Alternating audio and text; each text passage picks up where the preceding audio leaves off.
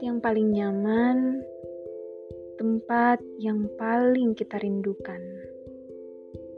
Bahkan sejauh apa pun kita pergi, ketika kembali, ia menjadi satu-satunya tempat yang akan kita tuju.